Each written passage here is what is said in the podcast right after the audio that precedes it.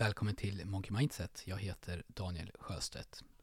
I det här avsnittet så ska jag prata om hur förändring och utveckling oftast kommer med en kostnad, eller flera kostnader egentligen, och att, och att orsaken till att det inte alltid går som vi vill, att den här förändringen inte genomförs eller inte blir hållbar, kan bero på att vi inte har förstått alla kostnader och inte är beredda att betala dem när de väl kommer. Och jag kommer komma till det här snart, men först, om vi vill ha förändring eller utveckling, oavsett om det handlar om oss personligen eller om det handlar om någonting på jobbet, så behöver vi ju först ta reda på var vi vill ta oss, alltså det önskade läget. Och ju tydligare bild som vi kan skapa av vad det är som vi strävar efter, desto enklare kommer det här jobbet, den här resan att bli. Att säga till exempel att jag vill känna mig mer tillfreds med mitt liv eller jag vill vara lycklig eller i år ska bli året då jag blir lycklig. Det kan ju vara, och det är väl för de flesta, slutmålet. Så i sak är det ju rätt. Men i praktiken så är troligen ett sånt typ av mål för luddigt. För vägen dit blir otydlig och det är lätt hänt att det jag för dagen tror kommer att göra mig lycklig skiftar hela tiden. Då är det bättre, eh, åtminstone enligt min erfarenhet, att sätta upp en hypotes för vad jag tror krävs för att jag om till exempel ett år ska vara lycklig. Alltså hur ser mitt liv ut då? Vad har jag? Vad gör jag? Vem är jag med? Hur tänker jag? Hur ser jag ut? Och så vidare. Hur tror jag att en typisk dag eller vecka eller månad i mitt liv ser ut? När jag har det så som jag vill ha det. Vi skapar alltså en, en bild, en liten inre film av hur mitt liv är när jag har kommit dit jag vill. Vi kan ju inte med hundraprocentig säkerhet säga att när jag har det så så kommer jag vara lycklig, om det nu är målet då. Men det är ändå vår bästa gissning. För sen, när vi i vår vardag hamnar i en situation av något slag där vi har olika val. Antingen så går jag åt vänster eller så går jag åt höger. Då är beslutet vilken väg vi tar mycket enklare. Om jag går åt vänster, då kommer jag lite närmare det som jag har bestämt att jag vill ha och har tydligt definierat. Men om jag går åt höger så kanske det känns bättre i stunden. Men när jag tänker efter så tar det mig lite längre ifrån det jag i förväg har bestämt att jag vill sträva efter. Så valet där blir mycket enklare. Jag tar alltså den väg som leder dit jag har bestämt att jag vill komma. För om jag alltid gör det som gör mig mest lycklig i stunden, då kan ju det faktiskt leda till att jag ger upp min långsiktiga lycka. Och precis samma sak gäller ju till exempel om man vill ha en bättre balans mellan arbete och fritid. Vad innebär det konkret?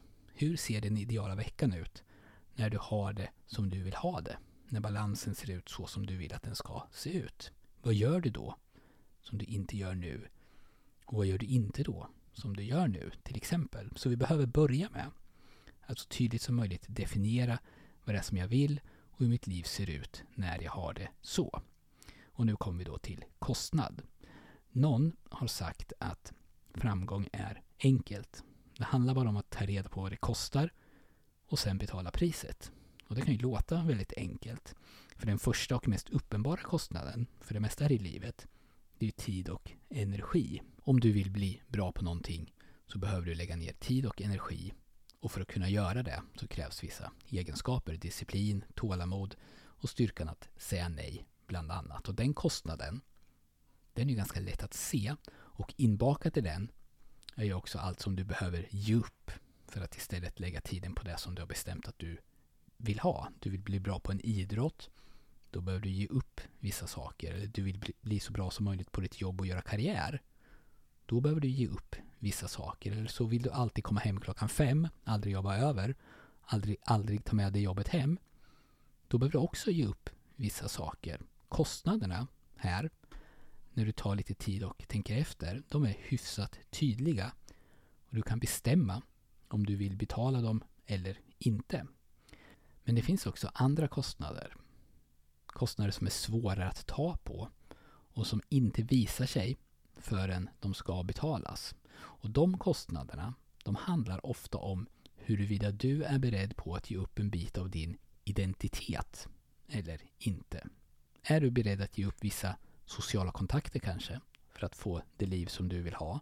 Sociala kontakter som är destruktiva för dig men som ändå kanske, ända sedan du var ung, har varit en stor del av ditt liv?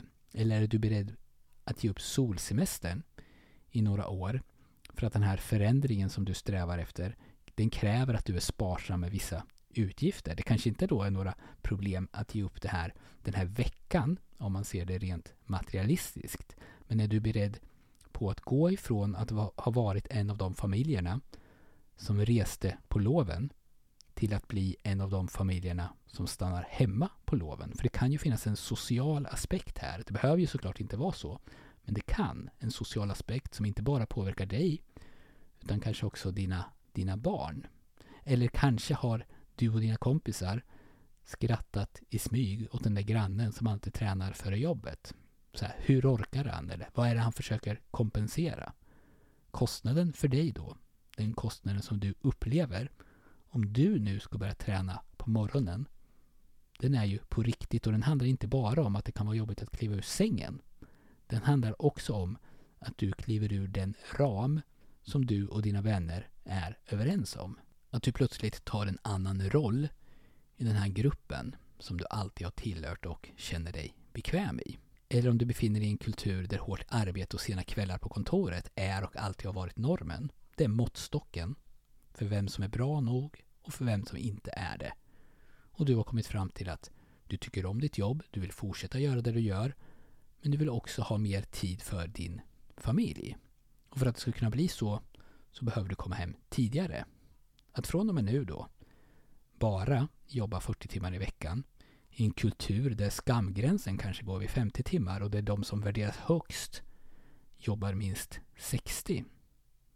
Det är också en kostnad. Du får timmarna men du betalar med någonting annat. Du betalar med din roll i gruppen eller din plats i hierarkin. Och alla de här kostnaderna, de är ju på riktigt och vi behöver åtminstone vara medvetna om att de finns. Vi kan antagligen inte komma på alla i förväg, men så länge vi förstår och accepterar att svårigheterna när det kommer till förändring inte bara handlar om själva förändringen i sig, förändrade beteenden, utan en massa saker därutöver. Om vi kan förstå det, tror jag mycket är vunnet. En kostnad till exempel, som inte alla tänker på när de tar ett kliv uppåt i karriären, det är att när du blir chef av något slag så får du betalt för att bli den som de du leder pratar skit om på lunchen. Det ingår i arbetsbeskrivningen, även om det inte alltid står där svart på vitt. Det kan vara en tränare, eller en lärare eller en ledare. Och man kan vara hur omtyckt och hur kompetent som helst. Men ibland så kommer klassen eller laget eller arbetsgruppen behöva ha någon som de kan lägga sin frustration på. Och det är ofta chefens roll att vara den personen. Har man då tidigare varit en medlem i den här gruppen så känner man förstås igen situationen när man kommer in på kontoret och ett samtal tystnar. Eller när två personer som nyss var dina kollegor men nu är dina underordnade ger varandra en blick som du vet betyder att chefen inte fattar. För du brukar ge den där blicken. Men nu är det du som är chefen. Om man inte är medveten om den kostnaden och kanske absolut inte är beredd att betala den då finns ju risken här att man får ett brutalt uppvaknande och börjar ifrågasätta sin egen kompetens och kanske till och med försöker att bli en i gänget igen. Och i värsta fall så försöker man att vara både chef och kollega så man försöker hänga med i snacket och hänga med i jargongen precis på samma sätt som man gjorde förr. Det är oftast inte rätt metod för att få respekt och acceptans som ledare. För kostnaden för att bli chef är ju att de som förut var mina kollegor inte längre kommer att se på mig som bara kollega. Och det som jag pratat om hittills, det har ju handlat om hur andra ser mig eller hur jag tänker att andra ser mig. Det här kan ju förstås också helt och hållet bara ske inom mig. Jag har en bild av vem jag är och när jag nu börjar agera på ett sätt som krockar med den bilden så skaver det. Så för att sammanfatta kort vad jag har pratat om idag. Alltså när vi strävar efter förändring, oavsett om det handlar om vår personliga förändring eller om vi vill förändra någonting på jobbet i organisationen, så behöver vi vara beredda på att fler saker än bara det som syns och är uppenbart kommer att förändras. Vi kommer ju i någon mån att bli någon annan. Och det innebär att andra kommer att se på oss annorlunda och behandla oss annorlunda. Och det kan leda till förvirring hos oss om vi inte har insett det och inte accepterar det. För egen del så har jag fått en sån här insikt under den senaste månaden. En av mina ambitioner för det här året det var att komma igång med den här podden igen efter ett långt uppehåll och släppa nya avsnitt varje vecka. Det var en förändring som jag ville införa, eller återinföra. Jag visste vad jag ville. Jag visste vad jag behövde göra för att få det som jag ville. Men jag underskattade kostnaden. Tiden som det tar att researcha, skriva, spela in och redigera och publicera ett avsnitt varje vecka.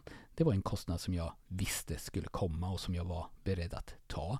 Men det jag inte hade tänkt på det var att behöva jobba utan buffert. För jag gör ju annat också inom ramen för Monkey Mindset. Så jag kan göra ett avsnitt per vecka. Men det finns inte marginal nog att göra så mycket mer än det. Så jag ligger aldrig så värst mycket före i schemat. Och om något oförutsett händer, vilket det gör hela tiden, så hamnar jag efter. Och att känna sig efter hela tiden, det är inte en bra känsla tycker jag. Och just i det här fallet, eftersom jag är min egen chef, så kan jag ju göra någonting åt det. Kostnaden för att börja podda igen, för mig, här och nu, den var hög. Och när jag tänker efter, när jag fått insikt i alla kostnader, så är jag inte beredd att betala priset. Hur det blir framöver, det vet jag inte. Kanske släpper jag avsnitt lite sporadiskt eller kanske kommer jag på om en månad att jag faktiskt är beredd att betala priset. Så om du vill så får du jättegärna fortsätta att ha kvar den här podden i din feed. Men vad jag istället kommer göra nu det är att bli mer regelbunden på framförallt LinkedIn men också Facebook. Så om du vill fortsätta att följa mig och få liknande innehåll som i poddarna fast kortare och i textform till att börja med så får du jättegärna följa mig där. Och länkarna till det finns i anteckningarna till det här avsnittet. Tack så mycket för att du har lyssnat. Jag önskar dig en jättebra vecka. Hej då!